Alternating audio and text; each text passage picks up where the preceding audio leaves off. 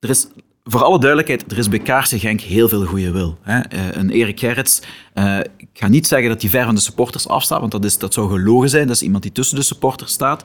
Um, Davy van Haan en zijn, en zijn team, dat zijn mensen die, die, die volgens mij echt wel, wel met ons inzitten als supporters. Maar ik vrees dat de, de, de afstand tussen de hoofdtribune en, en, en, de, en de gewone tribunes te groot aan het worden is.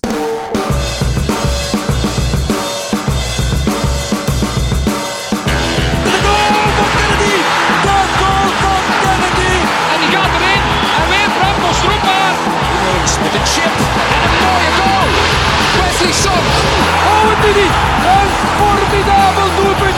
Larry. Ja hoor. Ja hoor. Jeff Taylor. De paal denk ik. Op het hoofd van Zokora. Een bombardement. En Genk blijft overeind. Samatta. Het is 3-1 voor Racing Genk. 5-1. 5 1. We zijn nog zo hard aan het buzzen na die wereldprestatie van onze belofte dat we bijna zijn vergeten dat er nog een podcast op te nemen was. Hiermee is officieel de blaam na de 5-0 op Chelsea in de Champions League volledig en vakkundig van de kaart geveegd. We kiezen bij deze resoluut voor Madi Monomai in plaats van Abel Mazuero. Madi Monomai kon er wel niet bij zijn, maar Wim sluit uh, als uh, getrouw weer aan als panelid. Welkom Wim. Zoals ze in Chelsea zeggen, hè, belofte maakt schuld. Is dat. Doe je mee aan tournee Mineral? Nee, nu even toch. Tournee Mineral mag dan volop aan de gang zijn. Tegen een geuze zeggen we geen nee. En dankzij de geuzes die jullie ons tracteren op buymeacoffee.com slash trail helpen jullie ons om keer op keer met gasten van dit kaliber, dat is Wim toch wel, samen te zitten. Bedankt aan zij die dit reeds deden. Dikke welkom beste Genkies, je luistert naar The Real Talks.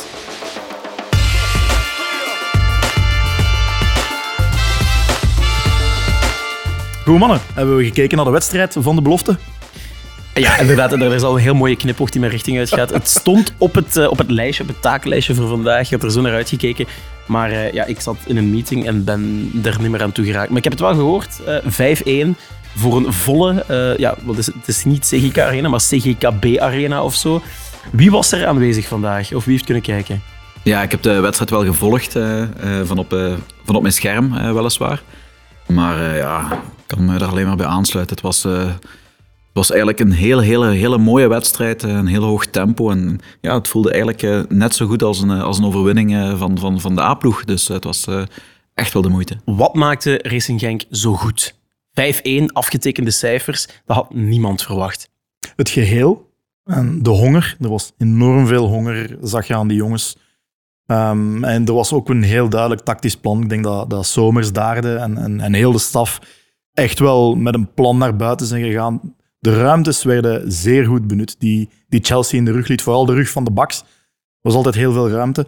En dan plan ook, uh, Diawara trok meestal twee verdedigers naar zich toe. En de, zowel uh, Abid als de flanken John en Abid. En dan nummer 10 was? El, El Canoes. El Canoes, ja. Die daar als, eh, als, als, als lopende jongens heel goed gebruik van maakten.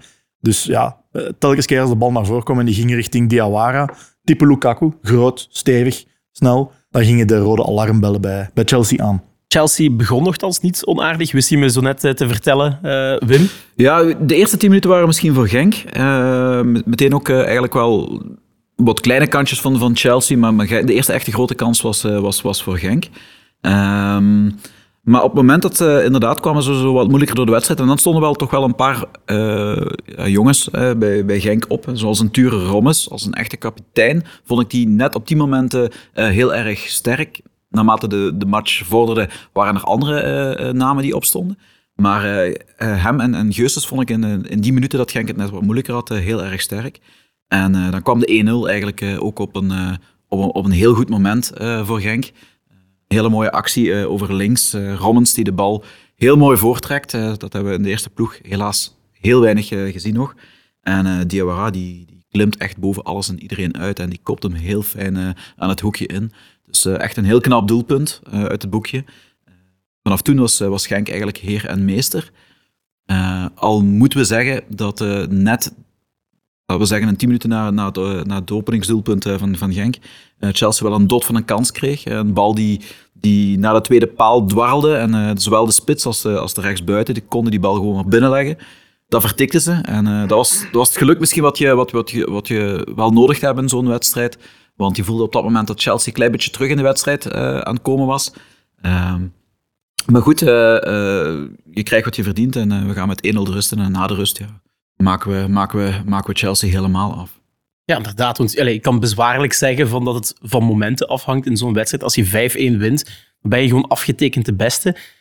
Hadden mensen misschien dit binnen de staf verwacht dat dit kon?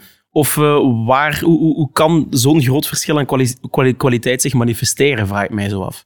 Heeft dat dan te maken dat, ja, toch misschien met dat een, uh, een ploeg zoals Chelsea minder opgeladen is voor dit duel, onderschatting? Of heeft het dan misschien te maken dat, uh, dat, dat Chelsea als jeugdploeg niet zo hoog in te schatten is als natuurlijk een effectieve A-ploeg? Of waar ligt dat dan feitelijk aan?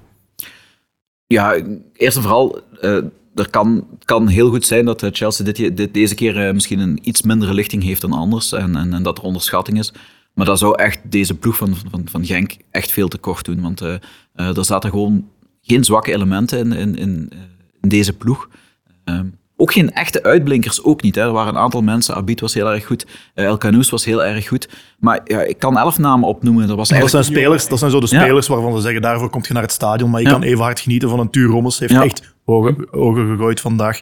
Camille van de Perre, mijn persoonlijke favoriet. Die doet niks fout, bij wijze van spreken. Um, en dan ook JD Geusens, met wat een autoriteit had hij op dat middenveld stond te voetballen. Ik heb uh, gelezen sommige reacties zeiden mensen, hij doet mij als Sander Bergen denken. Ja, dat is toch een compliment uh, om u tegen te zeggen in Genk. Dus. Wat mij bij Geusens heel erg opvalt, is hoe rustig dat hij altijd blijft. Ook als hij uh, onder druk komt uh, te staan, hij, zoekt en hij vindt eigenlijk altijd de juiste oplossing.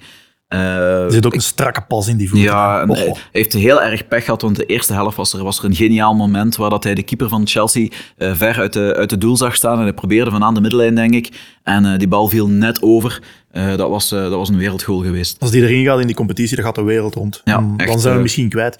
Want dat is wel een beetje de angst dan nu zo begint te komen. Hè, van, oh, die, die jongens die lopen ineens, oké, okay, je wint tegen Budapest en dergelijke. Op zich vrij goed, Keulen. En dan nu zo'n monsterzege tegen Chelsea. Ik denk dat de ogen in Europa wel te open gaan gaan. En, ja. maar goed, je hebt wel 1B. Dat geeft toch ook wel perspectief voor zo'n jongens om zich te manifesteren volgend jaar. En ook de koers die nu uh, ingeslagen wordt, hè, met uh, de vele vertrekkers die we hadden bij de A-ploeg, waardoor jongens zoals Nemet een bank, uh, bank opschuiven, dat biedt toch wel perspectief aan, aan zo'n jonge jongens. Ja, ik ben heel blij ook dat, ik, dat, dat de kern op die mate is, is afgeslankt.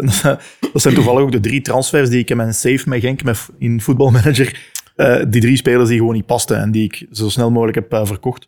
Ja, laten, laten, laten we daar misschien heel eventjes... Erin vinden. Laten we daar misschien heel eventjes ook bij, bij stilstaan, die, uh, die wintermercato die we gehad hebben. Dus Eiting is afgevloeid. Thomas die zit uh, nu voor zes maanden in, in Zwitserland. En Oekbo, dat was misschien nog wel de vreemdste transfer. Maar als je dan Dimitri de Condé um, zijn, zijn relaas leest, dan uh, zat dat bij Oekbo toch al uh, enige tijd fout in het hoofd. Hè? Ik denk dat de transfer van Thomas toch nog met het nodige respect opgelost. Um, denk ik ook. Of de situatie daar rond, om zo te zeggen. Uh, kijk, ga maar in uw eigen, in uw eigen thuisstand, vertrouwde omgeving, terug van minuten maken. Heeft ook gescoord in zijn eerste wedstrijd, dacht ja. ja. ja. Um, dus, dus dat is een goed verhaal. En, en ik denk ook een, een Thomas, die, die zijn potentieel haalt, kan in Genk wel iets betekenen, denk ik wel. Qua, technisch, ja. allee, qua techniek is dat echt wel een hele goede voetbal. Zat mentaal uh, nog niet zo goed. Ja, concurrentie op, op ons middenveld is natuurlijk ook niet, mm -hmm. ook niet mals. Um, misschien aanpassingsproblemen. Er, er, kunnen heel veel dingen achter, ja. de, achter de schermen spelen dat wij niet weten.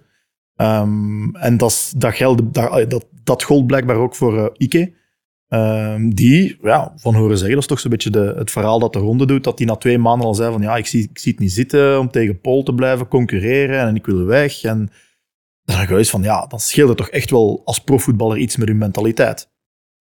Ik, uh, ik denk dat hij gewoon echt gedacht had dat Paul uh, zou vertrekken en dat hij daarom ook nee heeft gezegd tegen Marseille, want laten we dat ook niet vergeten. Hij heeft nee gezegd tegen Marseille, wat toch voor een voetballer, laten we eerlijk zijn, een heel mooie bestemming is. Misschien wel mooier in de hoofden van veel voetballers dan naar Kaarse Genk komen. Hij dacht echt, ik kan, ik kan bij Kaarse Genk eerst, eerste spits worden en dan is de sky the limit.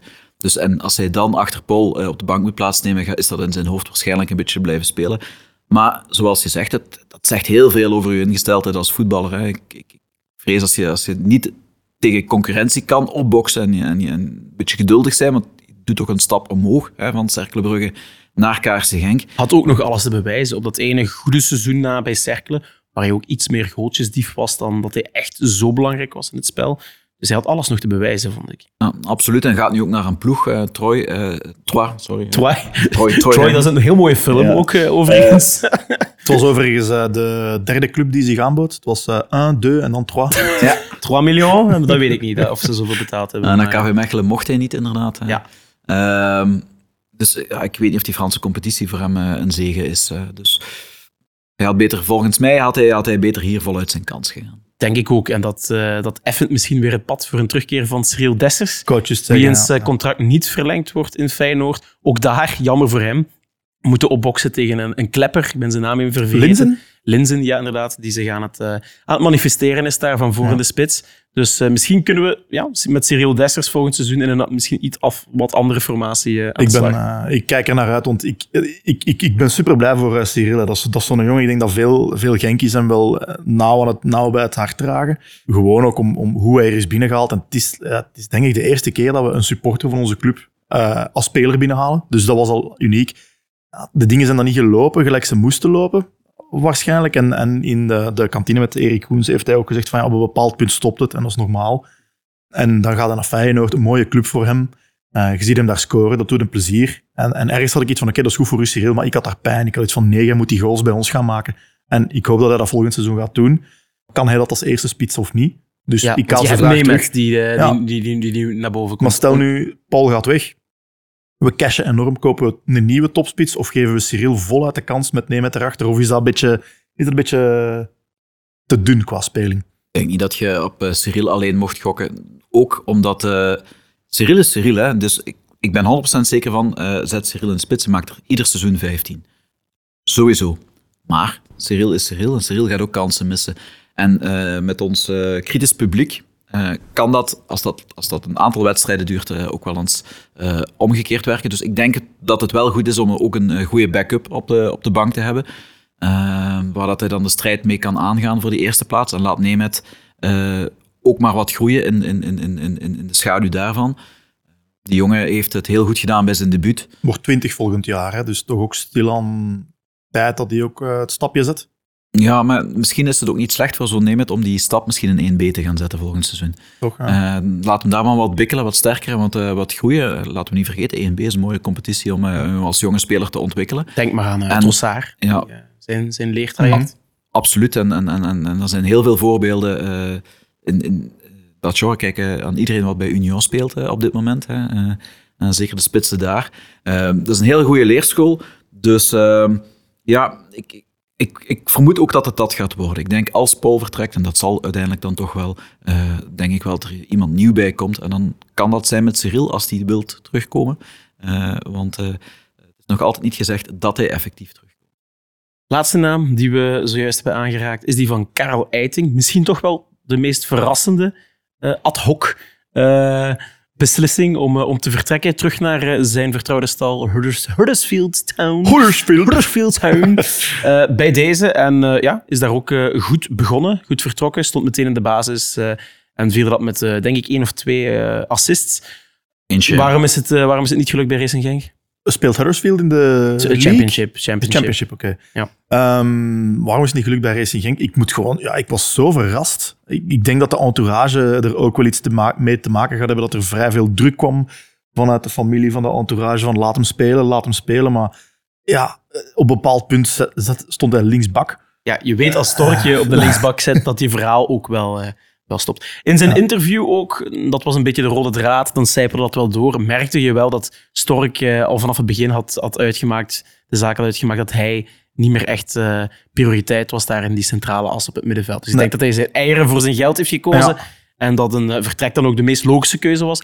Enerzijds wel jammer voor de mentaliteit, want men, geeft hem af, men zegt wel af en toe over hem dat hij te weinig mentaliteit toonde. Dat vind ik niet. Ik vind als je voor het eigenlijke winterkamp ook nog naar Spanje trekt om aan je conditie te werken, dat je echt wel wil slagen als voetballer. Maar ik kwam gewoon snelheid tekort, vond ik eh, vooral. Vond ik een mooi weervoetballer. Uh, maar fysieke snelheid of snelheid van uitvoering? ik vond ehm, beide. Eh, Je, je zag heel vaak in die wedstrijd dat hij wel goed was, wanneer het tempo niet zo hoog lag, dat hij wel die mooie crossballen kon geven. Maar Ja. van zodra dat het tempo hoger kwam, kwam hij in de problemen. Leed hij enorm veel balverlies.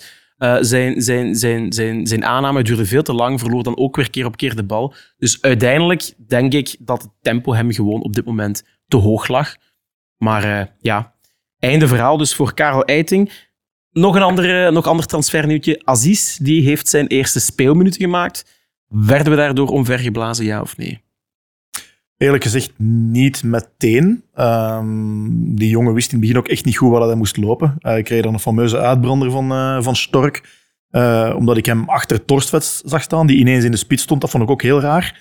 ik denk dat, dat de coach misschien daarmee wil zeggen aan, aan Dimi van kijk, je geeft mij niet veel extra om mee te werken. Want ja, Nemet is nog, heeft nog een kwetsuur aan zijn enkel, heeft niet meer gespeeld sinds Beerschot. Uh, dan staat Torstvet ineens in de spits. Ja, zet die jongen eender waar, zet, zet, die in, in de goal en die speelt met zijn hele hart uiteraard. Maar ik vond het wel wat vreemd. En dan ziet je ineens uh, Aziz daarachter lopen. Heeft dat niet meer gedaan. Um, ik heb hem één of twee acties aan de bal zien doen. Aan de bal vond ik hem wel goed. Heeft, lijkt wel een strakke pas te hebben. Ik denk als hij eenmaal ingewerkt geraakt en als hij wat, wat bekendheid heeft met de tactiek, fysiek ook en dergelijke, zie ik dat wel goed komen. Ik, ik, uh, en iedereen hoopt natuurlijk vurig op een, op een verhaal, een Didi. Ja, hij heeft, heeft, heeft zowel een beetje die, die, uh, die uitschuifbare benen die, uh, ja, nice. die Wilfred ook had. Hè. Dus uh, ik, ik hoop het ook wel. Ehm, inderdaad, hij liep verloren. Hè. Was hem ook aan het bijsturen daarna. Inderdaad, Bernd Stork was niet zo mals voor hem, want hij had dat inderdaad niet zo goed begrepen. maar goed, dat mag ook. Hè. Dus hij zat vandaag niet in de kern, denk ik. Dus, dus, ik denk dat dat allemaal leermomentjes zijn voor zo'n jongen. hij maakt op de training schijnbaar wel een hele goede indruk. Dus ja, ik zie, het, uh, ik zie het wel goed komen. Hij brengt alleszins al wat gestalte mee op middenveld. Uh, mm. Dat hadden we nog wel nodig. We gaan zien hoe het, uh, hoe het gebeurt. We gaan het niet hebben over de grote jongens vandaag, want ja, de wedstrijd tegen Zulte is al gespeeld. Binnen een dik anderhalf uur begint de wedstrijd tegen OHL. Dus bij het moment dat deze podcast gepubliceerd wordt, weten jullie meer dan van ons. Maar er is nog iets gebeurd en dat is een enquête onder de supporters. En daar was al heel veel om te doen. Hè? En de eerste supporter die scheepsrecht krijgt uh, op Terrell Talks is uh, Anthony Palaya, de schrijver. Hij had er dit over te zeggen. Zondagavond. Ik moest deze match forfait geven, maar ik had een valabel excuus. In tegenstelling tot die droeftoeters van KV Mechelen. De kakkers weigerden immers enige tijd terug te spelen tegen OH Leuven, waarbij ze dat klote virus inriepen als drogreden. Een forfait was onvermijdelijk, dachten we.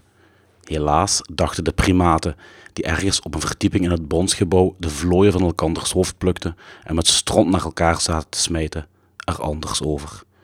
De zoveelste fars in ons voetbal. Ik opende de Sports 11 app en schonk mezelf een triple in. Sports 11, de zender die de voetbalclubs als hoer behandelt en dienstsupporters onlogische uren laat slikken als de eerste de beste sled. De zoveelste fars in ons voetbal. Ik ging een sigaret roken en overliep bij mezelf de trieste evolutie die ons Belgisch voetbal de laatste jaren heeft doorgemaakt. Met confetti smijten mag niet meer, met Rolex-horloges wel. De rook in de tribunes maakt plaats voor het wekelijks mistgordijn van de VAR en de arbitrage met hun volstrekt onlogische beslissingen, iedere week opnieuw.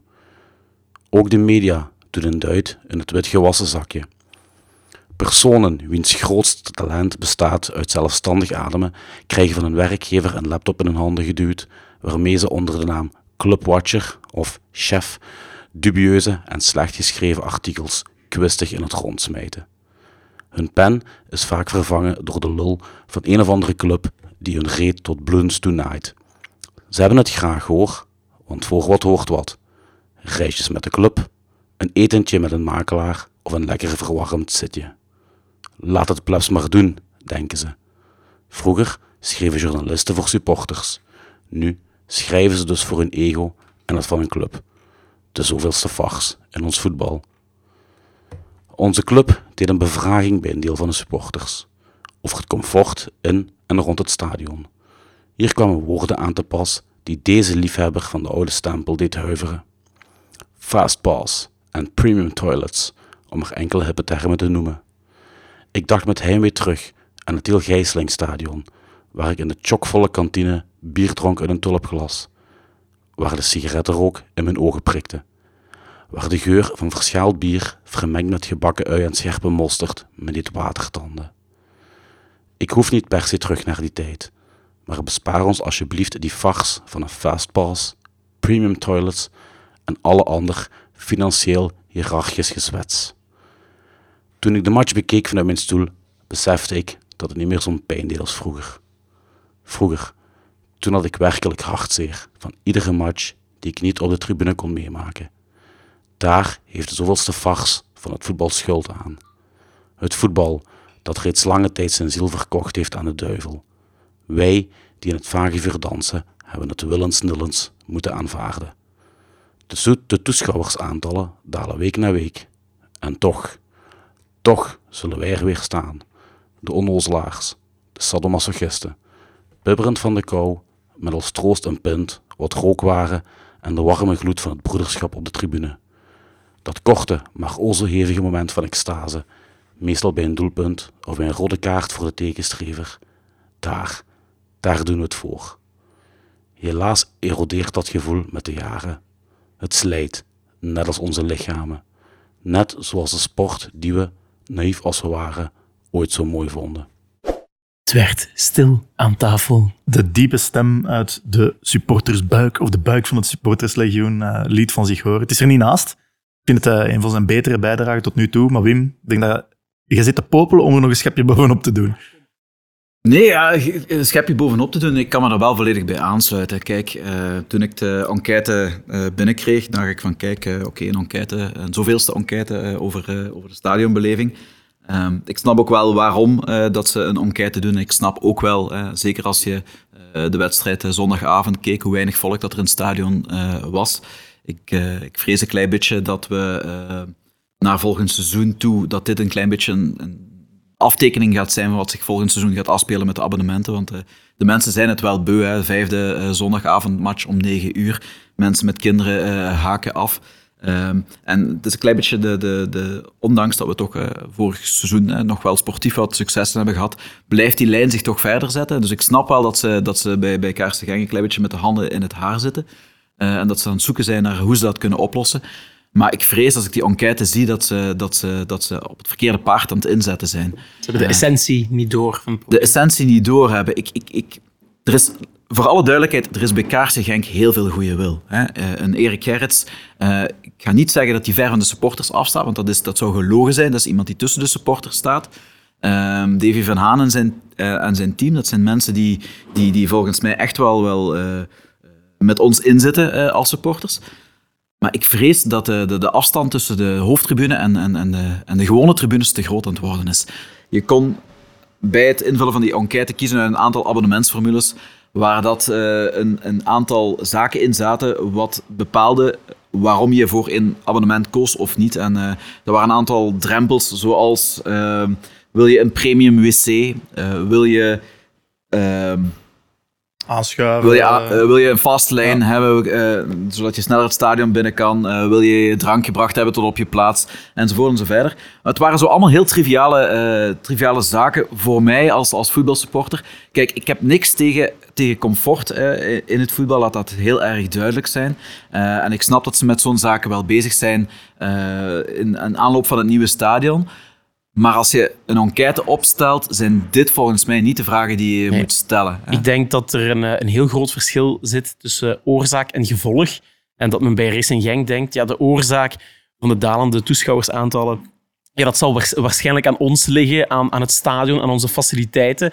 Maar dat is het niet. Hè. Waar het aan ligt, is, zijn die... Uh, het kan er wel een deel van uitmaken, maar dat is niet de belangrijkste reden waarom mensen thuis uh, blijven. De belangrijkste reden, in mijn optiek, is, um, is de, is, is, is, zijn, zijn de speeluren op zondag. Zondag 9 uur. Je ziet, dat, je ziet een daling, je ziet een kentering bij alle clubs. Um, zelfs bij Club Brugge nu, het magische Club Brugge, dat altijd uh, voor een uitverkocht oh, Ze hebben ook eens twee matchjes verloren. Dus, uh, dus nee, maar dat, dat loopt nu ook terug. Dus je ziet een algemene trend. Um, en ik, ik heb dus ook een beetje een soort van vooronderzoek gedaan. Tussen het jaar 2000 en 2015, dus we hadden ondertussen heel wat magere jaren gehad, speelden voor gemiddeld 20.000 toeschouwers. Gemiddeld, hè. Zelfs uh, in 2014, toen het debakkele begon met spelers zoals Kavric, die zich bewogen in onze rangen, speelden wij voor gemiddeld 20.000 man. En de reden daarvoor is, is dat je op dat moment nog niet gebukt ging onder de dictatuur eigenlijk van zo... Uh, van Eleven in dit geval en de kalendercommissie en het feit dat je om de drie weken dat de kalender pas bekend wordt gemaakt. Voordien, en zeker in een arbeidersstad zoals Genk, dat teert op supporters die onder meer posten draaien, noem maar op. Ehm, zie je heel hard dat voordien kreeg je, ehm, kreeg je je kalender altijd mee op het begin van het jaar en konden mensen hun posten plannen en andere activiteiten rondom het voetbal. En nu moet je er gewoon voor zorgen dat je het voetbal er nog ergens bijgeschoven krijgt. En dat is denk ik de primaire oorzaak. Dan heb je op twee natuurlijk de sportieve resultaten. We zijn, we zijn geen liftclub van eerste naar tweede klasse, maar we zijn wel een liftclub op vlak van play-off 1, play-off 2. Die consistentie, dat, dat wreekt zich bij heel veel mensen. We zijn nog redelijk wat mensen verloren uh, na uh, dat jaar. Ja, ik weet niet of het nu in 2016 of 2017 was, maar na dat laatste uh, met Patrick Janssens en co. hebben we heel wat supporters verloren. Dat zijn ook allemaal zaken die spelen, maar waar men geen rekening mee houdt bij het opstellen van zo'n enquête. En dan zijn zaken zoals een fastlane of een uh, exclusieve luxe bar, dat zijn allemaal, uh, dat zijn allemaal maar wat kruimeltjes die, die, die, die niet... Uh, Ja, die, er die, zijn- die er niks te bijdragen. Er zijn externe factoren, zoals je aanhaalt, 11 Mhm. Sports, de kalendercommissie. Dat zijn zaken waar de KRC heel weinig, eh, allee, op heeft, ja. quasi geen vinger in de, in de pap heeft. Maar als we het hebben over, over interne factoren waar ze wel iets aan kunnen doen, en wat al langer wordt uitgesproken door de club als zijnde dat is een probleem, is dat mensen niet meer blijven hangen op de voetbal. Ooit was de toenmalige Kristalarena, Het grootste café van België. het café van, van Limburg misschien. Oh, ik weet Van, zelfs van België. Van België zelfs zelfs. van België. Absoluut. Ja. Mensen, bleven, mensen bleven hangen en dat had dankzij betere uren, want dat waren, dat waren periodes dat er niet op. Dat Ja. Voetbal om 9 uur op een zondag bestond toen gewoon niet. Dat, Nee. dat, dat was altijd op zaterdag 8 uur of zondag 6 uur, 8 uur. Ja. Dat, waren de, dat waren de uren. Ja, nu, na zo'n wedstrijd, het is, het is 11 uur op een zondag. Ja, het begint er maar aan. hè. En daardoor blijft er niemand meer hangen, maar ook de gezelligheid. Ja, er, in, ik kan alleen maar spreken vooral over de, over de galerijen van de staantribune. Ik, er is niks wat mij aanmoedigt om langer te blijven hangen. Ja, Ik, vind, ik, vind, ik vind dat een heel groot probleem. Ik vind, eh, kijk, als je, als club mensen wilt, wilt overtuigen om. om eh, voor wat komen mensen naar, eh, naar, naar een stadion toe? Dat is niet alleen maar om die club te zien winnen. Dat is mooi en dat brengt extra supporters met, met, met zich mee. En ik geloof ook echt dat de, uren echt wel een van grote rol zijn. Maar Kaarsie Genk als een dagje uit heeft heel weinig om het lijf. Want voor de match, na de match is er heel weinig te beleven. Eh, de weg naar en van het stadion is een hel. En eh, daar wordt eigenlijk na al die jaren nog altijd niets aan gedaan. Ik kan het nog altijd niet geloven. hè. Eh, we speelden laatst een wedstrijd waar dat, maar 12.000, 13.000 man aanwezig was. En nog was het twee uur aanschuiven na de wedstrijd. Dat zijn zaken wat volgens, wat volgens mij wel aangepakt kunnen worden. Hè? En, en dat, zeg niet dat de club daar niet mee bezig is. Ik geloof wel eh, eh, dat ze daar... Maar volgens mij is die drang niet groot genoeg. Dat is één. En twee... eh, ik vind het feit wat je, wat je aanhaalt van dat er aan het stadion niks te beleven is, ik vind dat wel een heel groot probleem. Want waar is wel iets te beleven? Er is maar op één plaats in het hele stadion iets te beleven. En dat is in de hoofdtribune. In de hoofdtribune is na de wedstrijd een DJ kan iets gaan drinken, maar dat is niet voor de gewone supporter. Jos Fase, zijn grote droom was ooit om aan de andere kant van de hoofdtribune een heel grote eh, een heel grote eh, supporterskantine te maken, waar dat supporters voor en na de wedstrijd konden gaan samenkomen. Die plannen zijn ooit in de frigo gegaan, er is nooit niks meer eh, van gekomen. Als je in Genk niet naar de tennis gaat of niet naar eh, je gezien, hè? Ja. eh, De kring? de De kring. kring. ja, dan is je wedstrijd gedaan. Dan kan je in je auto gaan zitten en gaan aanschuiven. Ja. Terwijl dat een heel groot stuk van het probleem zou kunnen weghalen. Als, je, eh, als er beleving is voor en na de wedstrijd, dan gaan de supporters zich ook meer spreiden. Als je meer spreiding hebt, hè, dan neem je een deel van de frustraties weg. Mensen hebben wat te doen voor, kunnen er een dagje uit van maken, ook als dat vervelende uren zijn. Ik zeg Ja. misschien, mensen met kinderen gaan, eh, als een avondmatch is om 9 uur, eh, daar, eh, daarna wel naar huis. Maar daarvoor is, er, is, er, is er wel wat te beleven. Dus ik, ik vind dat heel opvallend ook wel. Hè? Want vroeger, ik, er staan nog zoveel YouTubes van, wedstrijdverslagen, van wedstrijden van vroeger, staan gewoon op, op YouTube. Dat je gewoon ziet wanneer de spelers opkwamen. Zeker begin jaren 2000 was het stadion vol. En Voor de opwarming bedoel je? ja, ook voor de opwarming, ja. En ook als spelers op het terrein kwamen, zat het stadion vol. En wat zie je nu? De tribunes zijn quasi leeg tot de vijfde minuut. Dan sijpelen mensen binnen. En ze vertrekken tien minuten vroeger ook om het verkeer eh, voor te zijn. Dus je krijgt een heel rare eh, wedstrijdbeleving, waarbij de wedstrijd zelf een beetje een, een tussenfase is. En dan inderdaad moet, moet men die zaken gaan elimineren. Ook wel opvallend, eh, en dat is misschien eh, het meeste waar ik toch wel het meest van mijn stoel viel, was die fastlane. Ik heb het hier zojuist ook al eh, tussen de soep en de patatten eh, aangehaald. ook daar heeft men niet de oorzaak door. Dus waarom moet je een fastlane in het leven roepen wanneer de effectieve reden waarom het zo traag gaat organisatorisch van aard is? Bijvoorbeeld, ik neem de, ik neem de staantribune als, als voorbeeld. Als er afspraken zijn met de politie om iedereen te fouilleren en eh, alle fouillages ten spijt, het gebeurt nog steeds, uh, Bengaals vuur, en ik vind dat trouwens niet zo erg. Maar dat je iedereen manueel gaat moeten fouilleren, ja, dat zorgt voor zoveel opstoppingen dat je met een fastlane niet gaat wegkrijgen. Want iedereen die langs die fastlane gaat, gaat uiteindelijk ook weer uitkomen op het feit uh, dat men uh, gefouilleerd moet worden. Of misschien krijg je fast foei. Ja, inderdaad. Kan allemaal. Ten tweede heb je ook gewoon het, het systeem van de scanner. Daar zou, zoals je in grote luchthavens uh, ziet, zou daar gewoon een vlotte QR-code scanner moeten zijn, waarbij je zo naar binnen kan vliegen, bij wijze van spreken doet men niet. Dat is zo'n scan-dingetje. En iedereen met losse tickets houdt daar eerst die QR-code voor. Nee, dat, dat, dat moet dan de barcode zijn. En er wordt zo wat getreuzeld ja. en gedaan. En daardoor ontstaan opstoppingen. Maar dat heeft allemaal dus te maken met organisatorische redenen of afspraken met de politie om dan dit te doen. Maar een fastlijn gaat daar niets toe bijdragen om dat te elimineren. Als je, uh, ik heb er ook, uh, ook, ook wel wat over gelezen. En als je dan uh, grote onderzoeken over fan engagement uh, leest, uh, komen ze eigenlijk altijd tot dezelfde conclusie. Eigenlijk wil een sporter vier zaken als hij naar het stadion komt. Het eerste wil hij uh, een zitplaats die comfortabel is voor het geld dat hij betaald heeft. Dus dat, dat, dat de verwachtingen voldoet aan de verwachtingen die hij op voorhand gesteld heeft. Dat is één. twee, het stadion moet proper zijn. Het derde is, ze willen een, een leuke wedstrijd te zien krijgen. En als vierde is, er moet een goede beleving zijn. En als je dan leest hè, van dat comfort, en dat is hetgene waar dat nu op gefocust wordt, is dat niet het belangrijkste. Ik denk dat er geen enkele supporter is in Genk die zegt van kijk, wij hebben heel slechte plaatsen. Ik heb te weinig beenruimte. Ik denk, het kan altijd beter. Voor alle duidelijkheid vind ik niet erg dat daar naar gekeken wordt. Er zijn altijd zaken die beter uh, kunnen. Maar uh, of je nu uh, verwarmde zitjes hebt of de drank tot op je plaats gebracht wordt, daar gaat supporters niet overtuigen om al dan niet een abonnement te nemen. Wat ze wel gaat uh, dingen is van, ik kom met mijn kameraden en kan ik, als ik naar Genk kom, kan ik een, een, een fijne wedstrijdbeleving hebben. Ik vind een heel mooi voorbeeld, in Amerika heb je de, de Falcons, NFL, ehm, die hadden ook problemen, die zijn naar verhuisd naar een nieuw, heel mooi stadion, Mercedes-Benz Arena, een van de mooiste stadions in Amerika. Die hadden heel veel moeite om het stadion te vullen. Wat heeft die voorzitter gedaan?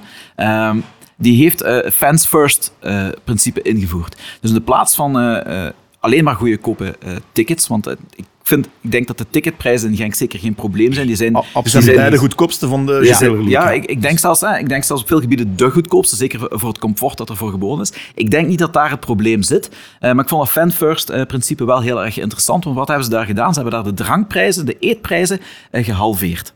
En dat klinkt heel erg stom. En dan zou je zeggen, waarom zou je marketingsgewijs zoiets gaan doen? Ja, wat bleek uh, toen dat ze dat gedaan hadden?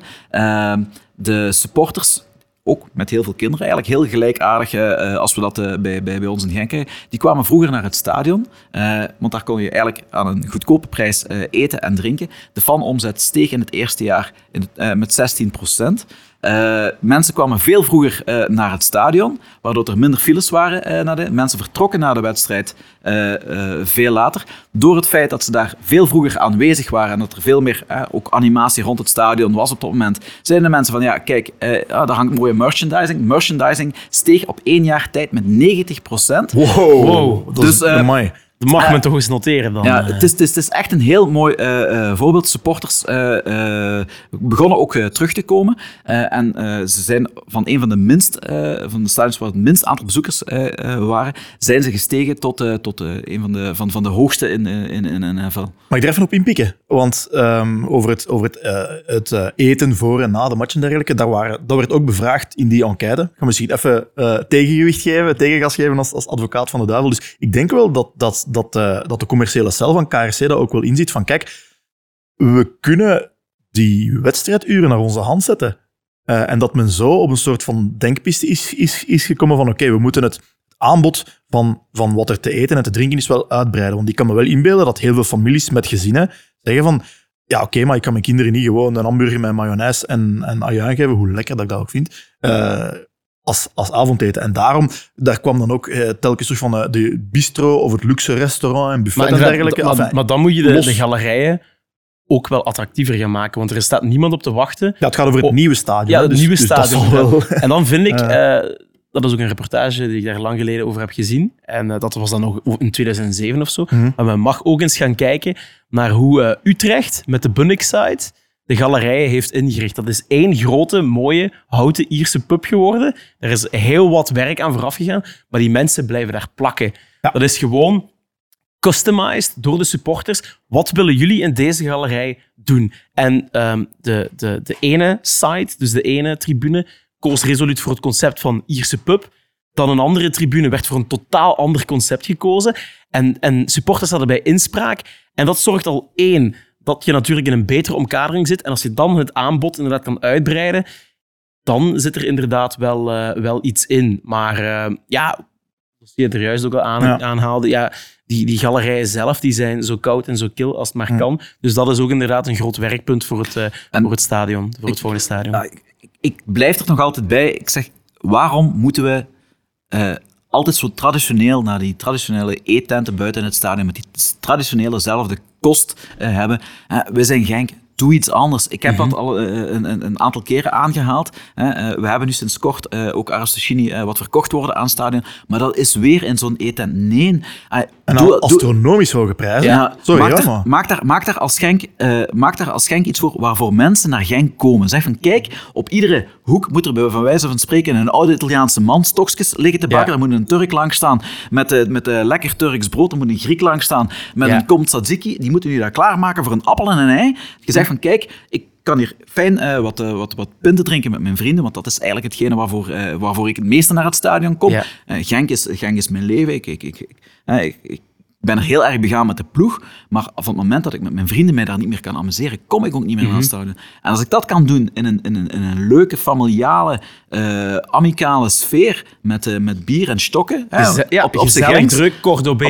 op eh, eh, en maak daar een mooie zone van, waar dat eh, grote schermen hangen, waar een voorbeschouwing eh, voor de wedstrijd gegeven wordt, waar we de wedstrijd die eh, zich voor en na de wedstrijd eh, afspeelt, we kunnen kijken. En zelfs, zelfs eh, je trekt dat verder open, hè, als we een uitwedstrijd spelen in Club Brugge, gooi die tent open, tegen, Ja, zeg tegen sport. ik zou komen, Kom daar, ik zou komen. Ik, ik, ik, zou, ik lig daar Ja. ook op te wachten. Iets waar dat we, waar, Ja. iets, iets wat, en wat dat is echt- de juiste piste, inderdaad.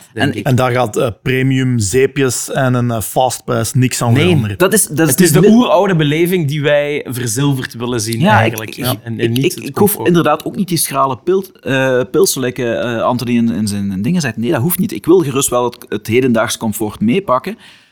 Maar dat mag niet de drijfveer zijn, of dat gaat niet de drijfveer zijn waar je sporters mee terug naar het stadion krijgt.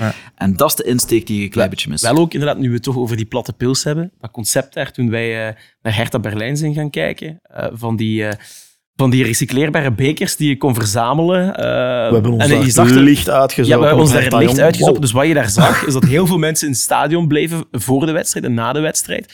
Om eh, tot 20 tot 30 eh, bekers te verzamelen. En dat in te wisselen tegen 5, 6 gratis pinten. Question, herbruikbare bekers, ja of nee? Dus die je gaat inwisselen? Voor, Ja. eh, voor een euro of zo, of whatever. Ja, Ik, eh, ik heb het voor het eerst gezien toen we naar Logan Bailly gingen kijken eh, in uh, Mönchengladbach. Eh hadden we ook bussen ingelegd met, met Kaarse Genk supporters. En ehm, daar hadden ze dus, wat, het concept wat ik net zei, hadden ze daar dus. Hè, dus eh, een, een, wel zo'n ouderwetse voetbalkantine waar dat de supporters voor de wedstrijd eh, eh, samenkwamen. Dan kreeg je van die grote herbruikbare eh dik pinten. plastiek ook. Niet dik plastiek. ja. dat- Maar dat die met, met het handvatje? Nee, het waren, het waren echt wel grote, harde eh, plastieke pinten. Maar die kon je gewoon ook meepakken vanuit het supportersdorp naar het stadion, waar een stukje wandelen was. En dan kon je daar inwisselen. En dan kreeg je gewoon weer een nieuwe pint. Ja. En dat was een fantastisch eh, principe. Ik weet dat ze bij Genk naar dat, naar dat systeem zijn gaan kijken, in München-Gladbach eh, onder andere. Eh, dat was zelfs, denk ik, volgens mij in, in, in een van de verplichtingen. Om, eh, ze willen, eh, Ja, ik moet het stadion uit. Maar waarom dat het nog altijd er niet gekomen is, Ja. ja. dat, dat weet ik En dus- je hebt minder vrijwilligers nodig, want mensen doen het toch zelf. Ze gaan dat, ze gaan dat samen rapen en Ja, het- inleveren. alleen Dus- het, het, het, het kuisen was een probleem. Dan moet je dat ofwel in het stadion doen of je moet dat komen laten afhalen. Dat was allemaal zo evident niet. Maar ik bedoel, als dat in München-Gladbach kan, als dat in Berlijn kan, Dan kan dat in Genk ook. Dus eh, concluderen kunnen we zeggen dat dat een stoel is die op drie poten steunt. Enerzijds de mobiliteit. Ja, daar heeft Genk natuurlijk niet alles in te zeggen. Daar is de stad. Lau, ik kijk daarvoor ook naar u. Eh, hoe kun je het mobiliteitsprobleem daar oplossen? Want ze hebben die, die weg die langs het kerkhof van, van Waterschei loopt doorgetrokken tot eh, dat die niet door de wijk gaat, maar dat die daar toch verkeerstechnisch wat beter aankomt. En dan heb je natuurlijk de onderwijslaan en de, en de baan via de, via de kring en dergelijke. En de tennis, ja, dat is, dat is nog steeds een verkeersinfarct. Ja. Hoe- Waar moet je in godsnaam nog de weg gaan Je, trekken? je- kijkt naar mij alsof ik het mobiliteitsprobleem ga oplossen, maar ik, ik weet wel dat, eh, dat, eh, dat zowel eh, ja, de dienst mobiliteit van Stad Genk, die zijn daar heel nauw in betrokken in dat project, samen in goed overleg staan met Kobe Schepers, de, de stadiondirecteur. Dus daar worden wel naar oplossingen gezocht, maar het is inderdaad niet simpel door de ligging. Je hebt maar één of twee toevoer, toevoersaders en daar moet iedereen langs. Dus dat is een heel moeilijke oefening om, eh, om daar uit te. Maar En, ik vind het eh, heel jammer dat het Torpark niet, niet beter wordt ingezet. Ehm, eh, want langs daar kan, kan, kan wel een stuk ontsloten worden. Eventueel zelfs als ze de weg naar As zouden doortrekken, zouden ze kunnen brengen. Er zijn ook nog twee eh, echt wel punten. Het rondpunt aan de kring is echt wel een eh, probleem. Ja. Eh, een, een, een, als, als daar de doorvoer rechtstreeks over het rondpunt zou kunnen, hè, zoals je dat soms ziet voor vrachtwagens, waar dat ze in het midden van het rondpunt een, een, baan hebben, dan zou je al heel veel van het probleem afhalen. En dan heb je het tweede aan de bascule. Vroeger stond daar, op drukke dagen, stond daar een politieagent die het verkeer daar voorrang gaf op de lichten. En dan was je eigenlijk op, eh, op, op een kwart van de tijd eh, weg eh, in Genk. En dat is, eh, dat is nu echt niet het geval. En ik Dus zou ook dat- zeggen, een beetje vaker met de fiets komen. Moest er een deftige fietsenstalling zijn in plaats van wat nadars tegen elkaar? Hoe, kan dat, hoe kan dat dat er in een club als KRC Genk geen In fietsenstalling een Ik kom nu provincie zelf- zoals Limburg, sorry, hè, ik, ik, ik kom uit Leuven, Ja. waar dat de bakfietsen nu om de, om, de, om de oren vliegen, maar ik kan me niet met mijn fiets... Ik kan wel met mijn fiets tot aan het stadion gaan, maar dan heb ik iets van, oké, kan ik die nergens zetten, kan ik die nergens aan vastmaken? Dat is gewoon een hoekje met draanghekken. Ik heb zo'n Ah, dure... weer het, het gegeven openbaar vervoer en zo, wat ook eh, Ja. beter moet zijn eh, vanaf het centrum. Maar ik zeg, er gebeuren wel, er gebeuren wel inspanningen, maar ik, ik heb zo het gevoel van... van ja, en nu ga ik heel, heel stout zijn. Ik heb het gevoel dat ze het in de hoofdtribune niet zelf genoeg voelen. Eh, ik denk dat ze voor en na de wedstrijd eten en na de wedstrijd hun feestje wel hebben. En nu ben ik echt heel stout. Maar ze voelen de pijn, en laat ik het laat ik me ook wat overdrijven langs de andere kant, hè, ze voelen de pijn die wij als supporter hebben niet. En ik denk dat dat een klein beetje het probleem is. Wat ik eerder zei, ik denk dat er heel veel goede intenties zijn, echt heel veel goede wil om voor ons eh, als supporter eh, een, een hele mooie beleving te maken. Maar ik denk dat de voeling eh, soms weg is. En hoe kunnen ze die voeling dan krijgen? Want ja, je zou zeggen, een, een zo'n enquête is een manier om die... Omdat, eh, het, is een, het is een goede bedoeling, het is een goede manier. Men, men zegt wel eens vaker, een, een goede chef die proeft van zijn eigen eten. Mhm. Alvorens hij opdient. Dus ik denk gewoon dat men eens, eh, ja, eens moet meedraaien met, eh, met Ja. supporters op gewone wedstrijddagen. En, eh, Er, en eh, zelf eens voeling cre- in- inderdaad krijgen met de, de grote stroom. Ja. En, eens, en, en één te worden met de grote stroom. En ik denk dat er dan wel eh, enkele ogen gaan, gaan opengaan. Maar dus het proeven van je eigen recept. Er was onlangs een eh, vacature voor een fanservice coördinator. Eh, ik hoop dat die goed ingevuld wordt en ik hoop dat ze dan echt iemand halen uit de buik. eh, eh, die dat misschien, dat stukje, misschien, die, dat stukje van de puzzel misschien kan toevoegen. Wim, bij deze is de vacature geopend. ik hoop alvast, eh, want het was een heel mooi relaas dat jij het, dat jij het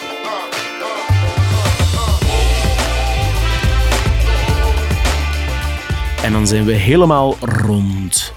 Dankjewel, Wim, eh, om erbij te zijn en voor, uw verhelderende inzichten omtrent de, de matchbeleving. Ja, amai, het was echt zo de zevende dag, maar dan over voetbal. Dat was echt, eh, echt een meerwaarde, Wim. Dat is wel goed. Eh, via omwegen bereikte mij ook de vraag om eh, de groetjes te doen aan enkele trouwe luisteraars. Genk-fans die klaarblijkelijk door het leven gaan als de Fratellis. Bijzondere groepsnaam overigens.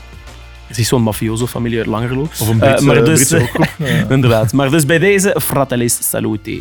Andere fans mogen ons ook nog steeds tracteren op een geuze op buymeacoffee.com slash terril. We kunnen niet genoeg dank tonen aan zij die al massaal de podcast hebben gesteund. Dat zijn allemaal luisteraars zoals jullie. Dus dank je wel, want elke euro helpt ons vooruit. Maar voor nu, bedankt voor het luisteren. En tot de volgende Real Talks.